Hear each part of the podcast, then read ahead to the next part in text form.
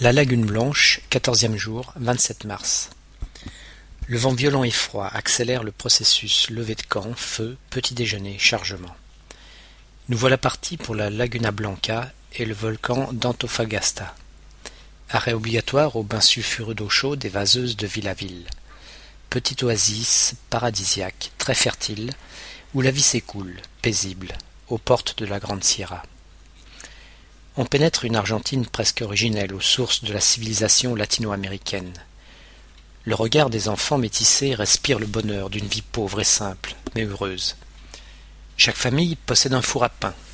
Le cheval remplace les chevaux vapeur. Quelques tacos 1930 en état de marche sont le signe d'une moins grande indigence. L'unique épicerie du village tenue par un vieux couple d'Indiens est un véritable bazar où l'on trouve tout et rien. La lampe de poche sans sa pile, les couvertures et les ponchos en laine de lama, et où l'on rend la monnaie à coups de caramel. Après la onzième crevaison du périple et un passage obligé à la Goméria, on quitte définitivement la civilisation pour gagner ce qui semble être les frontières de l'univers. Jusqu'à trois mille mètres, brouillard et bruine, morale à la baisse, et tout à coup, révélation, une plaine immense, de quatre-vingts kilomètres par vingt kilomètres, à trois mille deux cents mètres d'altitude, la lagune. Des dunes de sable blanc, exceptionnelles, non?